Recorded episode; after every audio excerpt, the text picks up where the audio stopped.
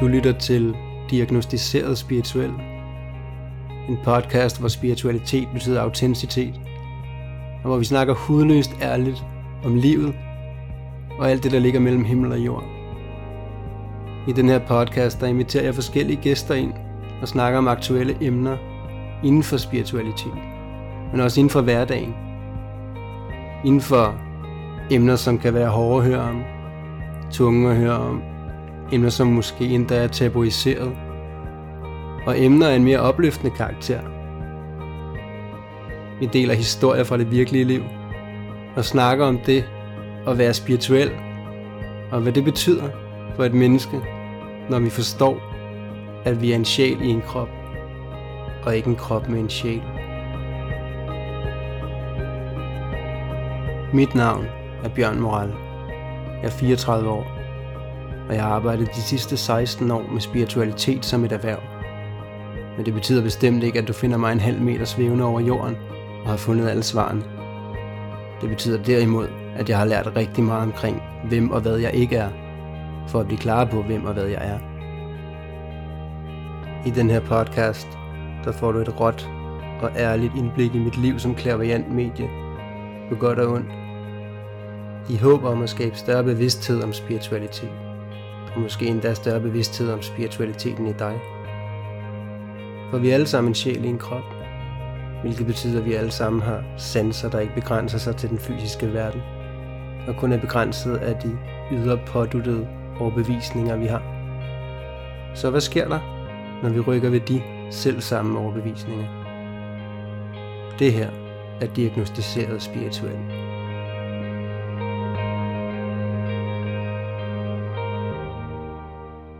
Dag der har jeg besøg af en helt speciel person for mig, både privat og kollegialt. Hun hedder Kit Forsmand. Hun er 43 år og kommer fra Aarhus. Og velkommen til dig, Kit. Tak skal du have. Tak. Tak fordi du er her og vil være en del af det her. Tak fordi jeg er. Du er 43 år, Ja. og du er uddannet seksolog.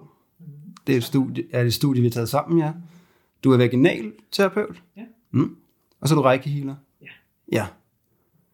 Og det indleder jo lidt den indgangsvinkel, vi har til det emne, vi skal have i dag, som handler om seksualitet og skam, som vi har rigtig meget af i vores samfund, og seksuelle overgreb, Ja. som vi begge to har en fortid omkring, som vi vil dele lidt mere om i dag. Og hvad det har indflydelse på vores spiritualitet, og hvad, hvad vores spiritualitet, eller bevidstheden om, at vi har en spiritualitet, har indflydelse på de her traumer, og den her skam, og så videre. Det er det, vi skal snakke lidt om i dag. Så velkommen til, Tak. og tusind tak, fordi du vil være med. Jeg har glædet mig rigtig meget til det her. Det har jeg virkelig, virkelig. Ja, jeg tror, det, det skal nok blive et spændende afsnit. Ja. Men jeg tænker, at jeg lige vil starte med at give dig ordet, fordi jeg vil gerne, rigtig gerne høre lidt om, hvor du kommer fra.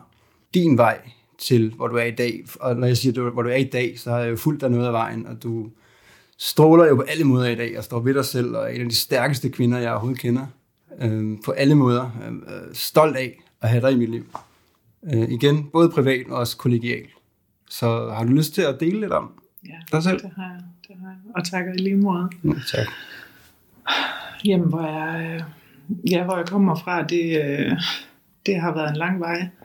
Øhm, og indgangsvinklen til det her er jo seksuelle overgreb i barndommen, som jeg har været udsat for. Fra jeg var 5 til jeg var 12 år. Øhm, af en, øh, en nær bekendt i vores familie, som han var ikke familie, men han var, øh, han var en, som, var, som mine forældre stolede på, som hele omgangskredsen stolede på, øh, og det misbrugte han.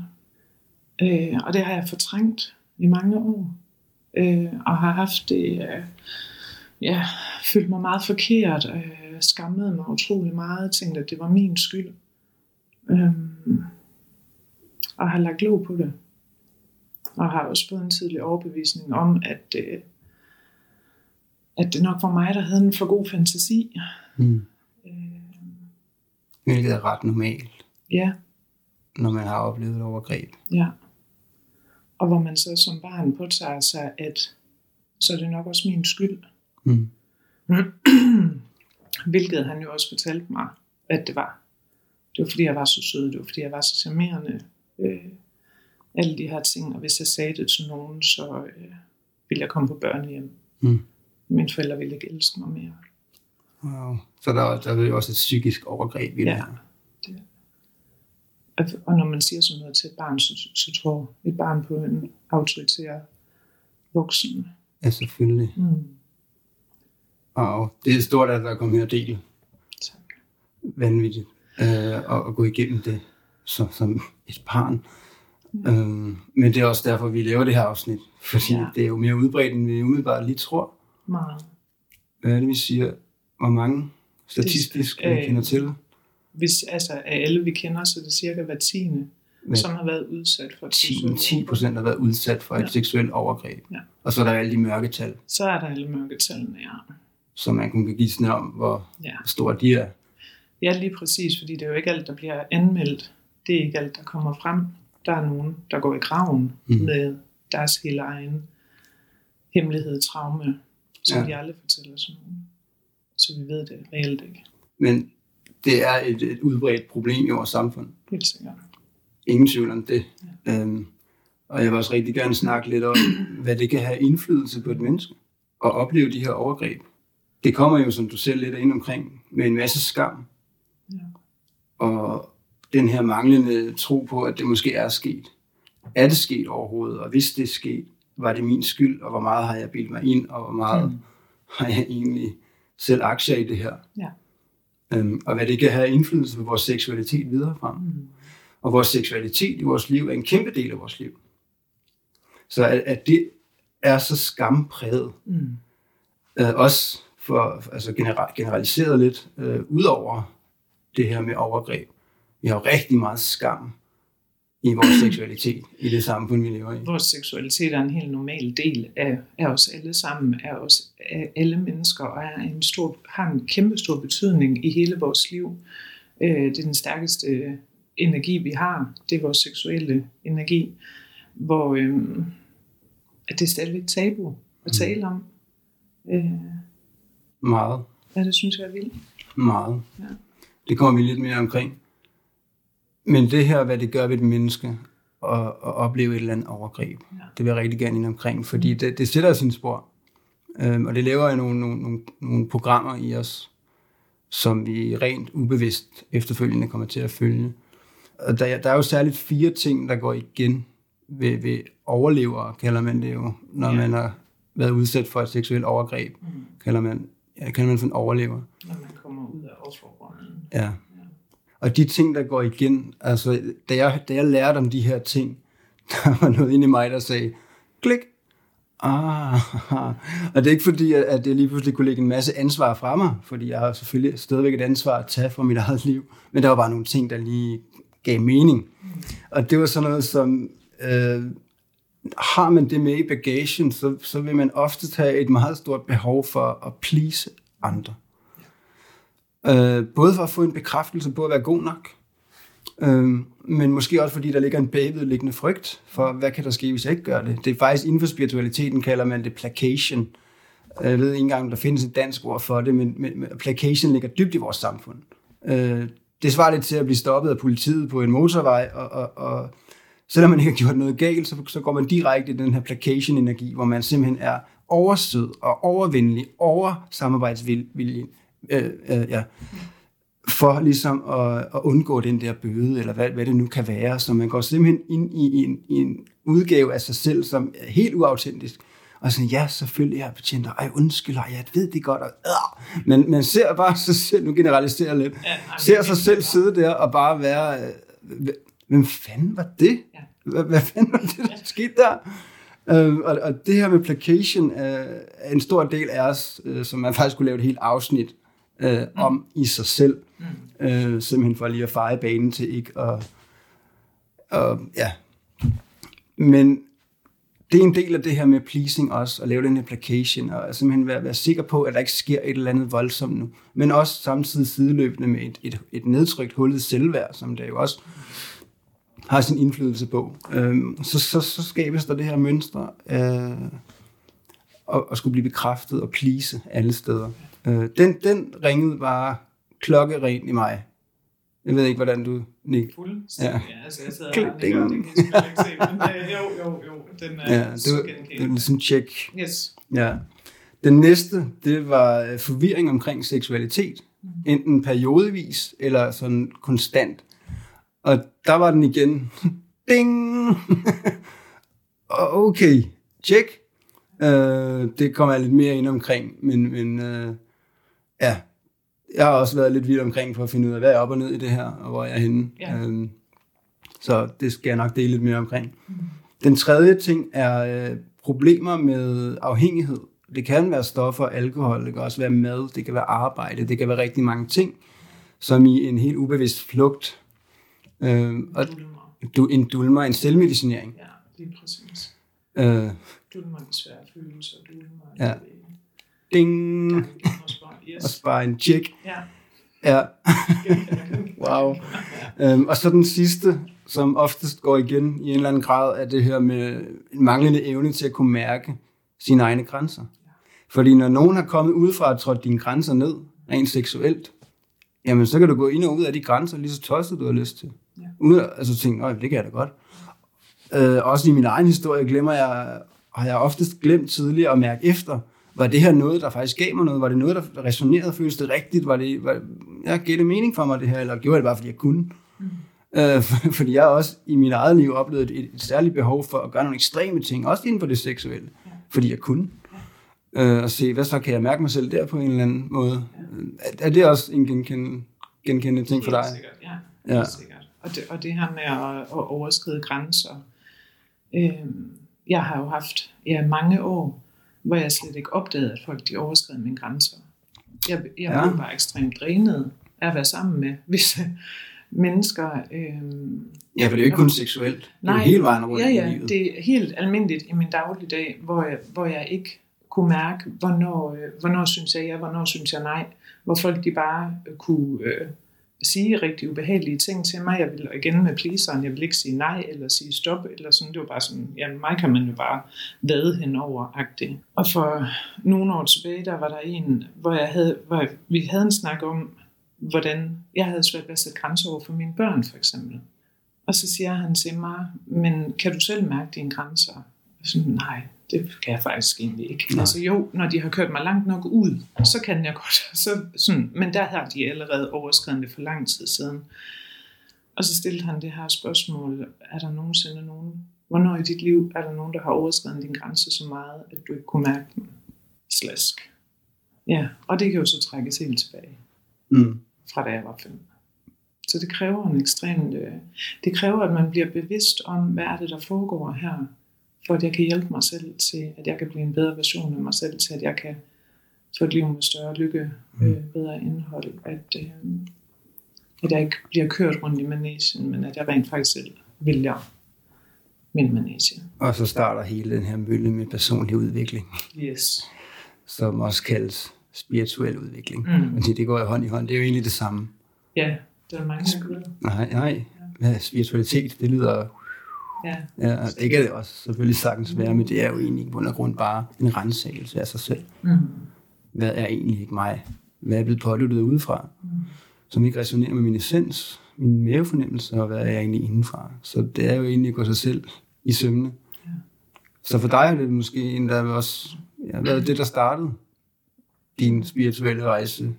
Det var i hvert fald med til det. Det var en af de der aha-oplevelser, jeg havde, hvor wow, påvirker det virkelig også det. Øhm, og jo mere jeg har dykket ned i, hvad gør seksuelle overgreb ved en, kan jeg bare se, at det har påvirket Mm. stort set alting i mit liv. Mm. Øh, måder, jeg har reageret på, måder, jeg har været på, måder, jeg har spist på, måder, jeg har holdt mig selv nede på, især øh, gemt mig, pakket mig væk, Mm. mm. fordi det har jeg lært. Og en helt, øh, nærmest per automatik, en, en tendens til at, at søge tilbage og retraumatisere. Egoet er en spændende størrelse, som jeg også tænker, at vi måske laver et helt afsnit omkring i sig selv, men, men egoet finder tryghed i alt, hvad den er vant til. Og selvom det, det, selvom det er utrygt, selvom det er destruktivt. Ja. Så en, en tryg utryghed. Ja. ja. Så det her med at, at, at finde tilbage, vi ser det også rigtig meget hos folk, som har øh, blevet voldtaget. Mm. Piger, som er blevet voldtaget, så, som lige pludselig bærer præg af, at en stor del af deres seksualitet handler om at blive domineret på et plan, der er så voldsomt, så, så de øh, næsten er på kanten til, til liv og død, Ja. øh, for at kunne udløse en orgasme, Ja. for at komme i kontakt med det, simpelthen igennem traumet, og så retraumatisere, retraumatisere, ser vi rigtig, rigtig meget af. Ja.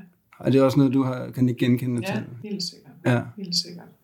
Øhm, ja, både, jamen, ja, også inden for seksualiteten, hvor det ikke kan, havde jeg en overgang med, at det kunne ikke blive hårdt nok, det kunne ikke blive vildt nok, det kunne ikke blive ekstremt nok, jeg skulle domineres ekstremt meget. Øhm, og jeg var slet ikke med i mit hoved i, hvad handler det her om? Jeg tænkte bare, det er det, jeg tænder på. Øhm, men i virkeligheden, så det, socialiserede jeg mm. jo ikke.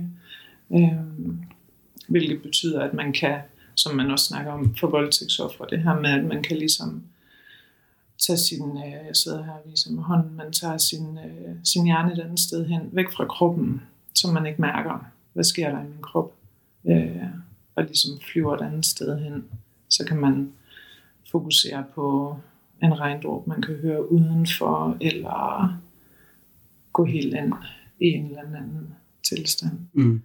Øh, og, det, og det kan jeg gøre. Det kan jeg stadigvæk gøre. I presset Du situationer. skal være opmærksom på den autopilot, for ja. det er ikke fordi, den forsvinder helt. Nej, fordi jeg kan bare Mm. sådan her. Øh, og, det, og, og jeg er så god til det, at man skal også være opmærksom på mig, fordi jeg kan godt sidde og lade som om, at jeg er helt fuldstændig med i en samtale, og så er jeg egentlig helt væk. Ja. Ja. Og der kommer du også lidt ind på det, det vi kalder det uh, traumehjerne.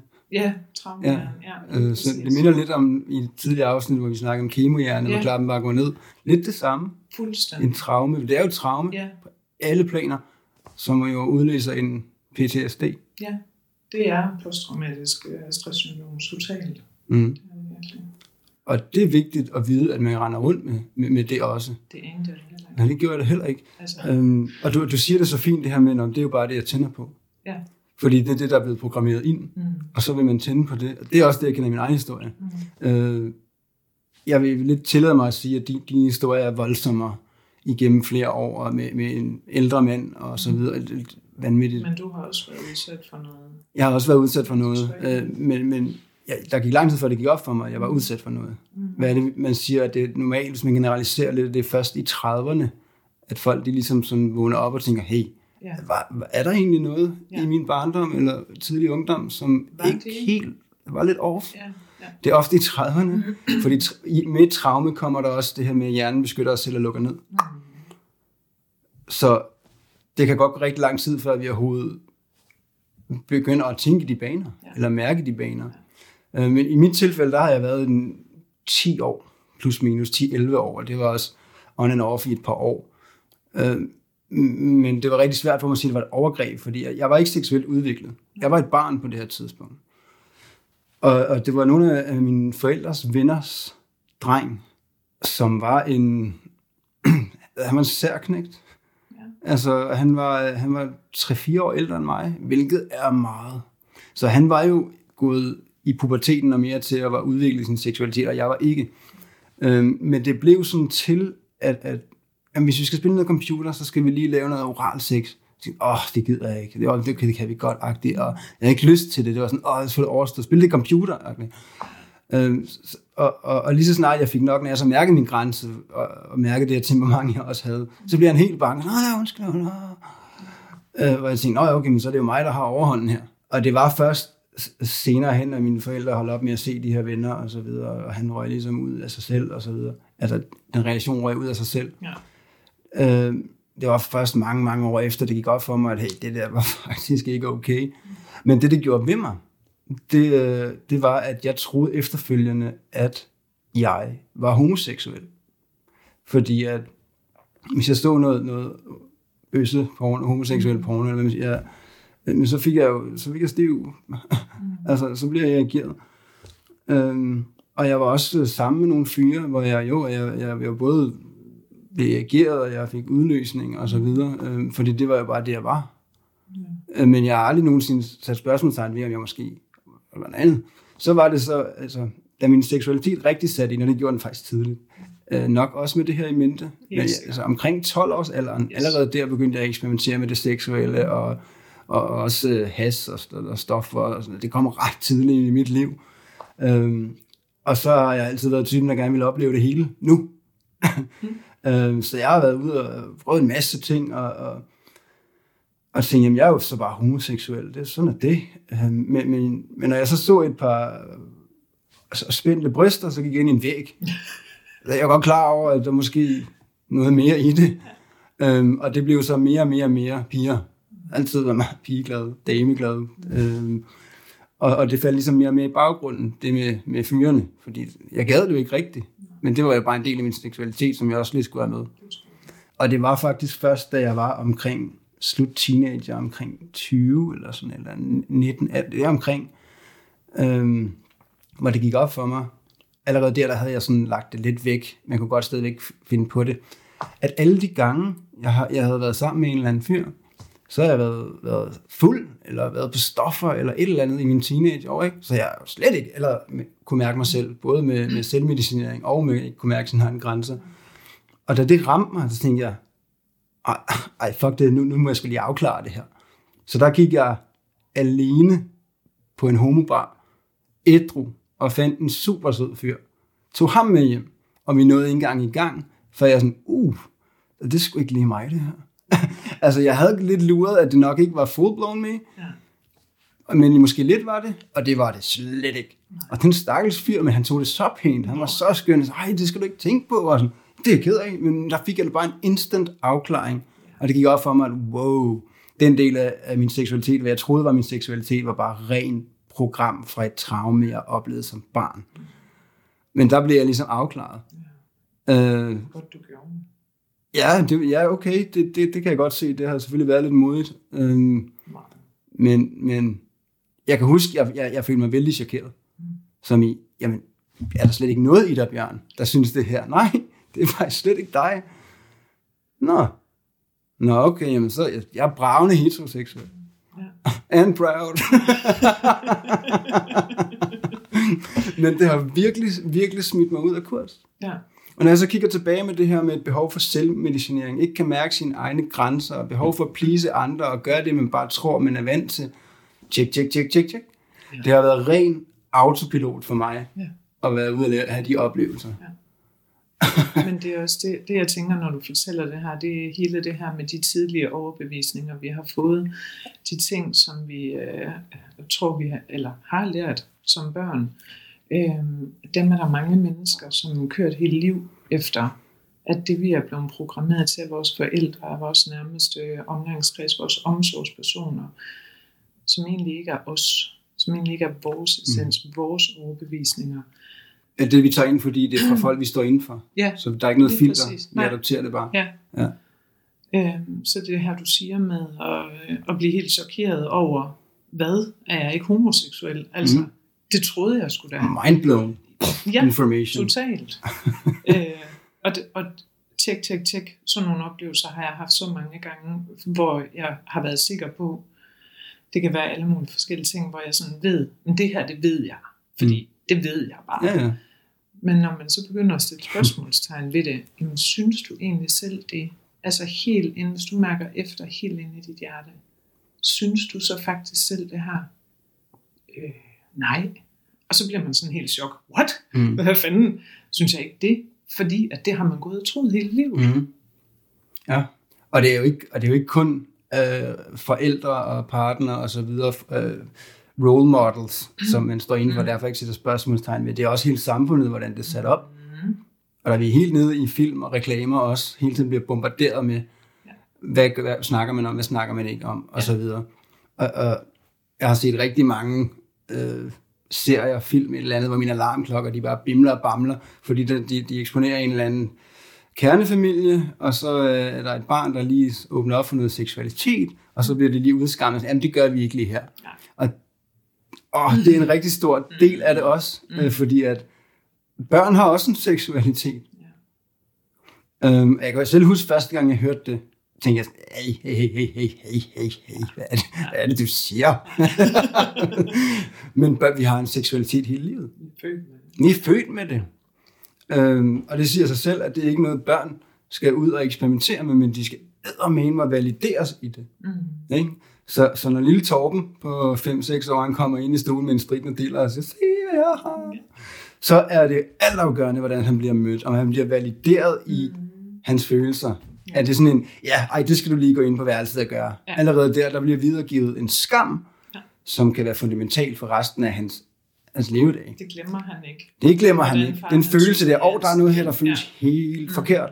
Wow. Eller går man ind og siger, ja, det kan da godt se, den er da ellers flot. Ja, Nå, men øh, hvis du lige går ind og skifter tøj, så kan vi spise en aftensmad. Eller, Ja. altså, vi møder ham på et andet måde, Ja. uden at videregive den her skam. lige præcis. Det er rigtig vigtigt at være Og bevidst om. gjort, øh, og få det gjort naturligt. Få det ja, gjort den naturligt. kan godt rejse sig. Er det ikke øh, fantastisk? Det kan vores Ja. kroppe. De kan sådan nogle ting her. Det er meget spændende. Sådan skal det være. Ja, Det er så vigtigt. Det er faktisk en stor del af mig, der har lyst til at holde nogle foredrag omkring de her ting, mm. på efterskoler og så videre. lære børnene. Ja, Ja, altså børn og også unge mennesker ja helt Øh, sikkert meget. omkring seksualitet og hvad er okay, fordi de lærer jo rigtig meget fra porno. Det er der, det er der størstedelen af seksuel undervisning, Det er det der kører øh, her for tiden.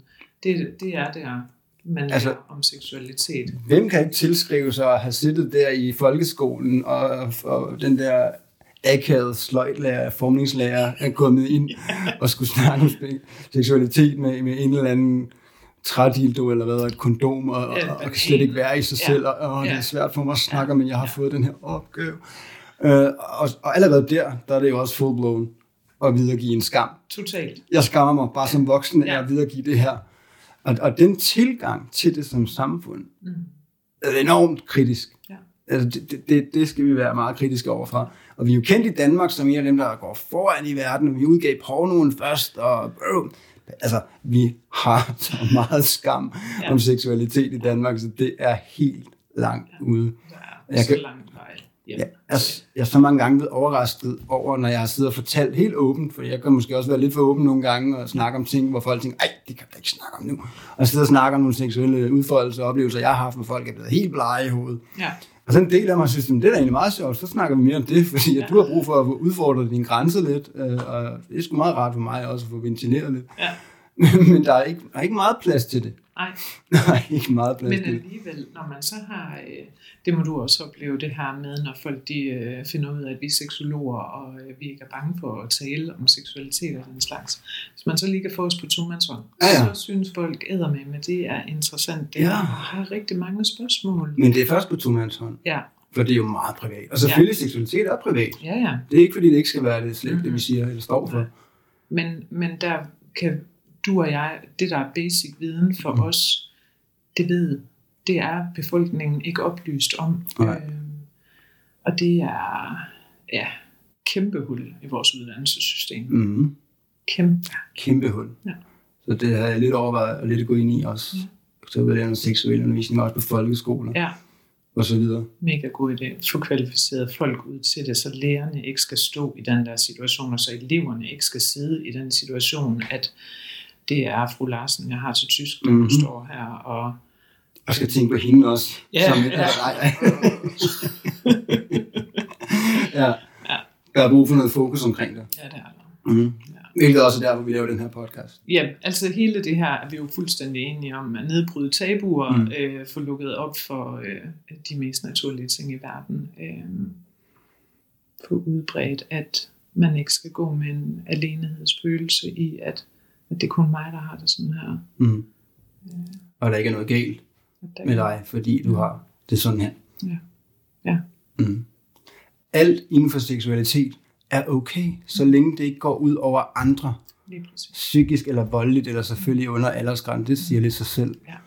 Men ellers er der ikke noget forkert. Nej. Og det er fuldstændig ligegyldigt, hvad du tænder på. Mhm. Intet forkert i det. Og det er også, når jeg kigger tilbage i mit liv, når jeg sådan har snakket med alle drengene og sådan noget, når man så snakker om seksualitet, så er det sådan lidt med en, en, en humoristisk distance. Sådan, ah, og ja, det kan vi jo.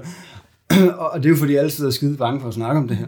Så bliver det jo nemmere bare at grine lidt af det, jeg har. Jeg, jeg ved for eksempel, øh, jeg havde en enorm stor skam om, at en del af min seksualitet var, at jeg rigtig godt tænde på naturlighed. Nu mere naturlig en pige er for mig, nu mere attraktiv er hun. Så det der med store plastikbryster, botox i læberne, og det, det er ikke lige mig, og mascara, eller hvad hedder det, plastikvipper og sådan. Fred være med det, men det er ikke lige mig. Nej. Så når jeg fandt ud af, at jeg vil hellere, hvis jeg så skal se noget porno, eller, det, det ser jeg da også. så vil jeg hellere se en naturlig bil, der har noget kønsbehåring for eksempel, og ser naturlig ud, Ja. end jeg vil se en, der er helt dullet op på plads. Altså, Ja. og første gang jeg åbnede op for det, så blev jeg totalt udskammet. Sådan, Ja. ah, kan du godt lide en ordentlig bush? Og sådan, det har sgu ikke noget imod. Altså, bare hun er naturlig. Det synes jeg er dejligt. Øhm, Jeg har faktisk altid haft det lidt sådan, og det er ikke for, jeg vil endelig ikke shame nogen. Mm-hmm. Og der er ikke noget galt i, at man har det sådan, men, men for mig er det, er det lidt svært, fordi man er helt glatbarberet. Altså, jeg kan godt sådan lidt tænke, at, at du ligner en, der ikke er gammel nok, eller en, der er så gammel, så der ikke er mere tilbage. Jeg kan ikke helt forstå. jeg, kan ikke, jeg forstår ikke det der. Nej. Øh, helt. Jeg kan sagtens være med det, og synes, det er fint, men, men, men det er så ikke lige det, der jeg vil foretrække. Men den udskamning, jeg har oplevet med det, Ja, Og- og- og- så- det er faktisk først i mine voksne år, jeg sådan virkelig bare står ved det, når ja, okay, jeg kan godt lide naturlig kvinde, færdig. Ja. Og hvad så? Ja. Altså, og lige snart jeg står ved det, så er folk, ja, nå, ja, okay. Ja. Altså, hvor, hvorfor, hvorfor er det mig, der skal skamme mig over, at jeg tænder på et menneske, som hun er blevet skabt? Naturligt. Ja, Det, det, det er da for sygt. Ja. men det er jo Øhm, igen pornoindustrien. Det der er pornoindustrien, og det er reklamerne, og det er alle de Ja. her... Hvad er det, hvad er det vi i gåseøjne synes er normalt nu? Ja. At, at Hvad er det- norm- ja, hvad er det- normalt? Ja, hvad Der er, er den- normalt? Er det Der er, hvad er normalt? silikonebryster og en glatbarberet, Ja. et glatbarberet Og ikke køn? noget, øh, hvad hedder det, cellulit, øh, ja, appelsinhud og sådan. Det må man heller Ja, ikke, det skal photoshoppes væk. Ja. Og Fuldstændig urealistiske idealer Ja, om, hvordan man skal se ud, og hvordan Mm. ens seksualitet er proper. Ja. Altså, men det er rigtigt det her med, at hurtigt, så, så man hurtigt til at, at skamme hinanden ud, for afviger du lidt fra normalen Ja, uh, i ja. igen. og der, ikke? der er vi tilbage til den her rigtig og forkert kassen. Ja, uh, Åh her, hvis jeg kan lægge dig i forkert kassen, så betyder det, at jeg er rigtig kassen. ja, Åh, der var der være. ja, Øh, og så behøver jeg ikke at kigge på noget. Nej. Så er dig, der er forkert. fordi jeg har Mm. hævdet mig over det. Ja. Ja. Og den ligger jo også som en programmering fra generation til generation, Mm. og fra samfund igennem Ja. tiderne, Ja. som bare kører på autopilot. Mm. Øh, Igen tilbage til overbevisninger om, hvad er det, vi har lært. Man Ja. kan godt lige stoppe op og stille spørgsmålstegn ved det. mm-hmm. Hvad er det, vi har lært? Ja. Hvor er det, vi har lært det fra? Ja, og synes jeg egentlig det? Synes jeg, det resonerer Ja. det med min essens? Ja. Så jeg kigge helt nøgent Ja. og ærligt på, hvad Ja. jeg egentlig selv synes, Ja. og stå ved det. Ja. Fordi når man så finder sin egen seksualitet, som jo heller ikke er hakket i sten, ikke hugget i sten, den er jo, vores seksualitet er dy- dynamisk. Fanger også. Ja. Det er også vigtigt Ja. at, Ja. at, at snakke Det er om det, det. Ja, fordi det er den det. kan jo udvikle sig, og det er jo ren gummi. Ja. Men når man så finder ud af, hvor man er i sin seksualitet lige nu, så synes jeg, at jeg oplever, i det øjeblik, jeg gjorde det, så oplevede jeg en enorm frihed hele vejen i mit liv. Mm. At stå ved det. Ja. Men også i mit sexliv med, din, med min partner. Øh, det var lige pludselig en helt anden tilgang. Og, og, og det her med at have sex for at præstere, det lærer vi også. Oh, du skal præstere. Du skal få hende til at få en orgasme, Ja. og du skal holde rigtig længere. Sex skal være en oplevelse. Nydelse. En nydelse. En oplevelse. Ikke en præstation. Er vi over i, at det bliver en præstation, og man skal leve op til alle mulige idealer, jamen så er der ikke nogen, der får noget ud af det. Nej. Det bliver bare ikke godt. Nej. Og det bliver sådan noget klaskesex overfladisk, En hvor man kommer... imod og- noget, Ja, i stedet for nyde og præcis. der bliver energien faktisk rigtig, rigtig lav. Mm. Rigtig lav energi.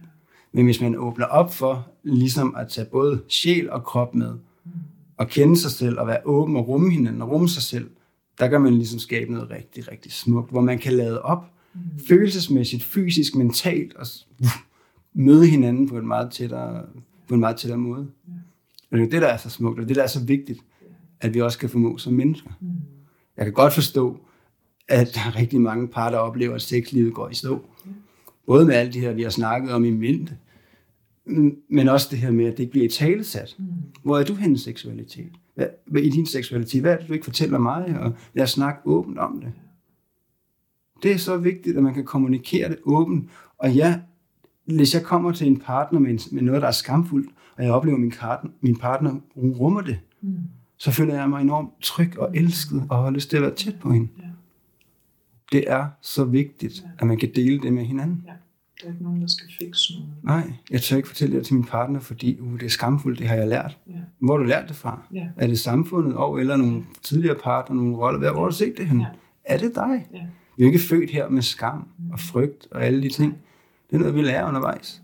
Men det kan man heldigvis pille af igen.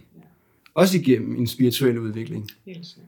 som jeg tænker, vi begge to, eller jeg ved, vi begge to også har oplevet den vej igennem. Mm. Bestemt. Og vil du prøve at sige et ord om, hvad du synes, det har betydet for dig at tage spiritualiteten med ind i den her udvikling? Også ren seksualitet. Det hænger jo sammen. Ja. Seksualitet og spiritualitet hænger også sammen. Det hænger så tæt sammen. Øh, jamen, det, ja, hvad har det betydet for mig? Alt. Altså, det, øh, det er et meget stort ord, men det føles også meget stort, øh, fordi hele den øh, utryghed, jeg har været i hele mit liv indtil det, øh, hele forkerthedsfølelsen, hele skammen omkring det, og og ensomheden. Altså jeg har virkelig følt mig ensom. Jeg har øh, følt, at jeg var helt alene misforstået. Øh, og det her med at have fundet mit, det lyder lidt woo men mit højere selv og øh, altså universet, hele trygheden i, at der er nogen, der har mig. Øh, og, og vigtigst af alt, at jeg har mig selv. Mm. At jeg har styrken inde i mig, øh, som, som er blevet frataget mig, øh, troede jeg. Men jeg har haft den hele tiden, men jeg troede, den var væk.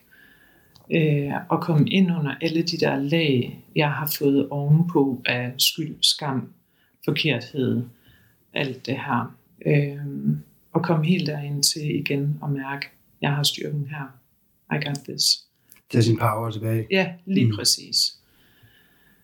Øh, og det er jo ikke bare noget, der kommer fra den ene dag til den anden. Hvis du havde spurgt mig om det her for et år siden, så havde jeg sagt nej. For Mhm. det første, fordi øh, nu sidder vi og kigger hinanden i øjnene, det ville jeg have haft det svært med.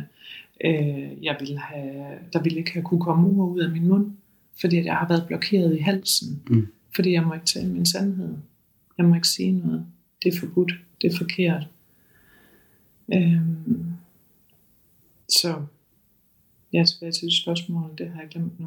Ja, det der traumeblokade, man kan Ja, få. Mm, ingen problemer. Men det her med spiritualiteten, hvad det, og det også har indflydelse på det. Ja. Øh, hvordan vi kan gå ind og arbejde med det, fordi at blandt andet det her med at, at kende til sine chakra, Mm. hvor vi har alle sammen har et, et chakra under navnet, der hedder hara chakra, sakral chakra, også kendt som det seksuelle chakra, et orange organ i sjælen, så, som, som vi oplever ting som seksualitet igennem, men også kreativitet og passion, livsgnist og glæde opleves den vej igennem. Og har vi et traume med, så sætter der også en blokering helt ind i det chakra. Ja. Og så kan det være svært at give og modtage energi rent seksuelt. Mm. Så med, med spiritualitet i mente og have den bevidsthed og kunne gå ind og arbejde med det og løsne op for det, en kæmpe forskel for, hvordan vi har det, både med det, vi har oplevet, og men også med vores seksualitet lige nu og fremadrettet. Og det er ligesom, i hvert fald for mig, været en meget stor ting at arbejde med på den måde.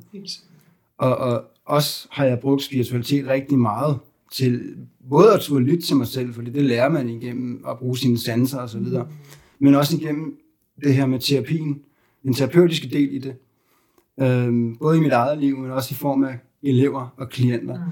som jeg har haft rigtig mange igennem, der også har haft overgreb, som er så er kommet op til overfladen, når man ligesom begynder at grave frem og få renset ud i alt det gamle.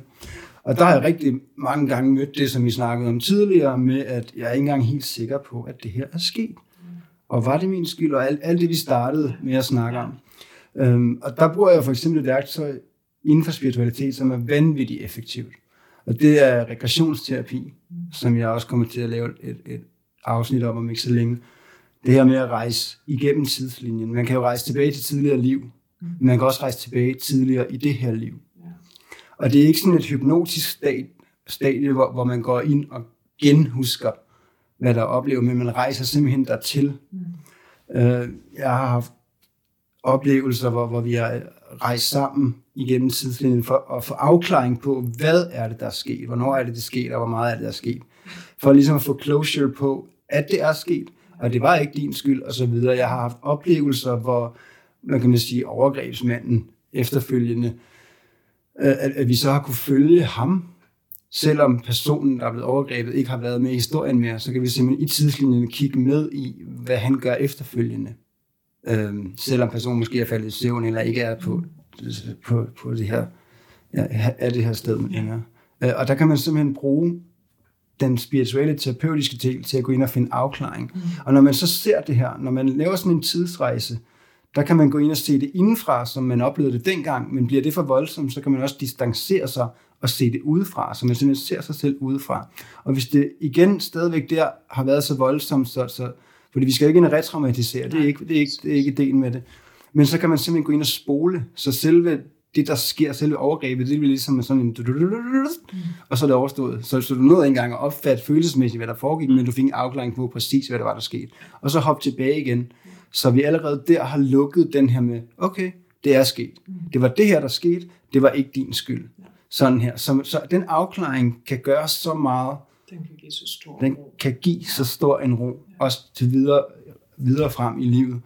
Øhm, og jeg, jeg vil gerne lige lægge vægt på igen, at det her med at retraumatisere, Mm. det er ikke den, den mest effektive måde at arbejde på. Det er bare, fordi kroppen husker jo. Kroppen har også en hukommelse, og den kender ikke fortid, nutid og fremtid. Og der er vi faktisk over i noget, der hedder kærlighedstermostater, hvor, øh, hvor, hvor kroppen husker en følelse og går direkte i alle de følelsesregister omkring det, som faktisk stammer helt tilbage. Og det handler ikke kun om seksuelle overgreb, det er helt generelt. Øhm, men hvor man simpelthen kan gå ind og, og, og, og lære kroppen, at det her, det var fortid. Mm. Det her, det er nutid. Du behøver ikke at reagere så voldsomt og så videre. Ikke at retraumatisere. Mm. Øh, det her med at retraumatisere sker, sker rigtig meget i terapien. Ja, når vi går ind og graver det frem og siger, så skal du føle, du skal være i det, og det, det behøver vi heldigvis Nej. ikke at gøre. Behøver ikke at retraumatisere det. Vi skal bare vide, hvad der er foregået. Og så skal vi vide, hvad det har gjort ved os, og hvad vi skal lære af det. Og så kan vi lukke den igen, og så behøver vi aldrig at besøge det mere. Allerede der kan vi komme videre. Og det er en meget både sober, en kompetent og en effektiv måde at lave terapi på. Og få instant closure Yes. videre. Jeg synes, det er rigtig vigtigt hvor spiritu- ja, at tage spiritualiteten med på den, på den front. Ja. Det vil jeg gerne lige, lige dele, at der er altså muligheder den vej igennem for at få afklaring. Jeg kommer til at tænke på, når du siger det her, øhm, ikke kun i forhold til det, men, men helt generelt, det her med at, at gå ind og kigge tilbage på, hvad er det, der skete, øhm, og hvad, hvad er det, jeg gerne vil ændre nu. Det kræver mod. Altså, øhm, og især, altså det, for jeg taler for mig selv, jeg besluttede mig for, at jeg ville være modig. For jeg har været bange altid, øh, og jeg har ikke været modig.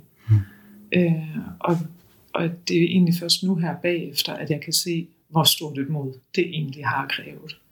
Øh, jeg har haft angstanfald og øh, altså voldsomme reaktioner på bare at have tanken om, at jeg skal sige det her højt. Mm. Øh, så vildt sidder det i mig.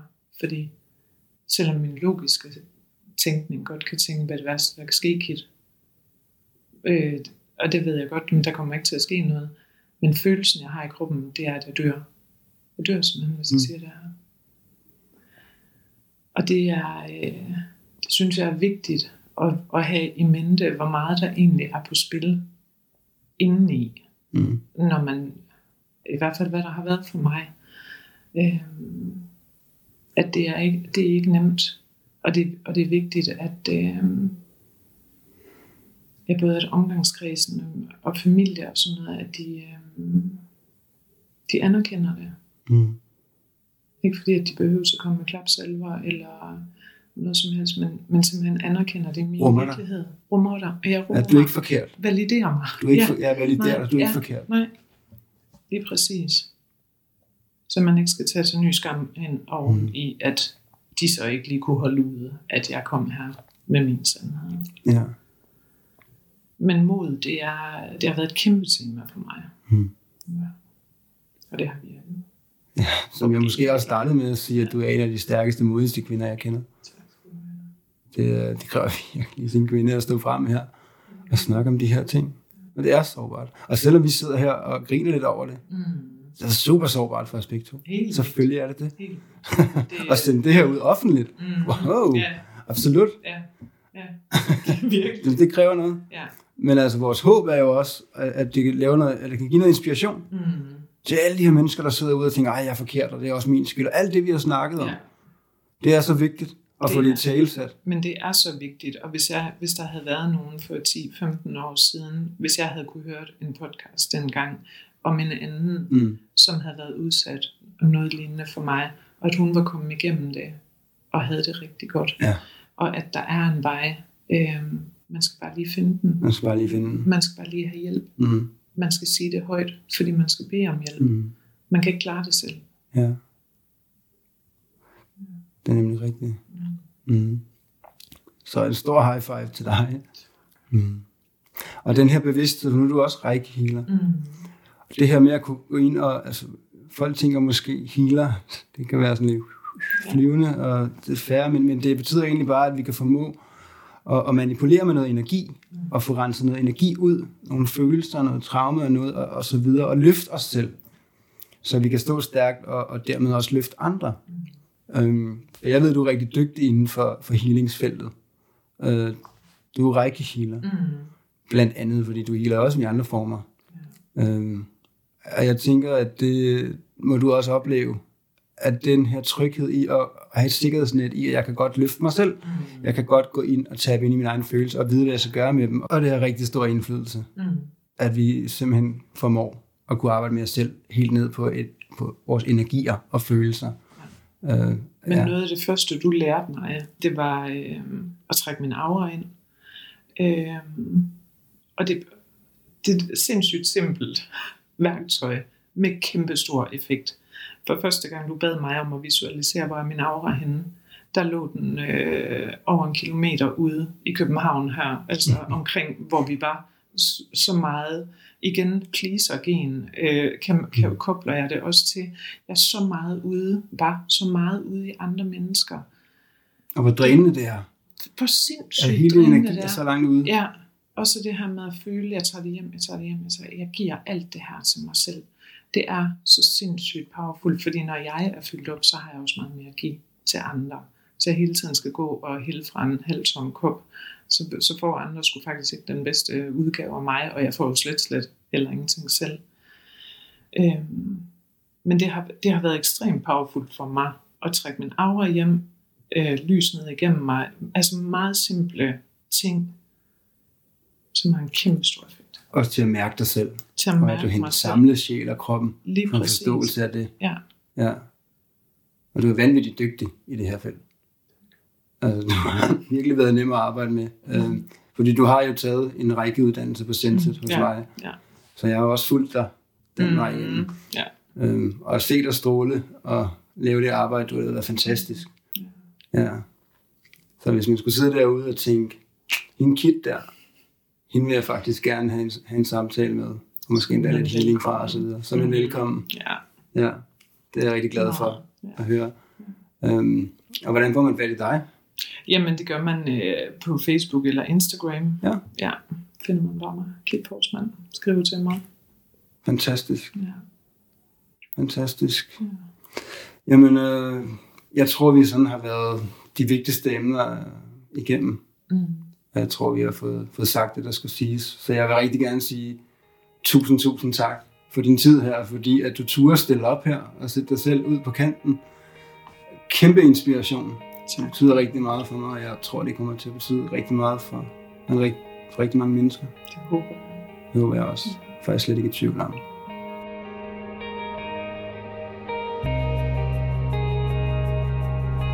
Det her er diagnostiseret spirituelt. Jeg håber, at du føler, at du kan tage nogle ting med videre herfra. Og måske endda føler dig lidt inspireret. Om ikke andet, så håber jeg, at du har følt, at det har været underholdende at lytte med. Og jeg vil rigtig gerne takke dig for at have brugt din tid på at finde ind på den her podcast. Og skulle du føle, at den har givet dig noget positivt, så vil jeg blive meget glad, hvis du vil dele det med familie og venner, og gerne i dit netværk, og eventuelt skrive mig en anmeldelse. Om ikke andet, så håber jeg, at du vil lytte med i næste afsnit, når vi igen går i luften med et emne, der har brug for at se dagens lys. Tak fordi du lyttede med.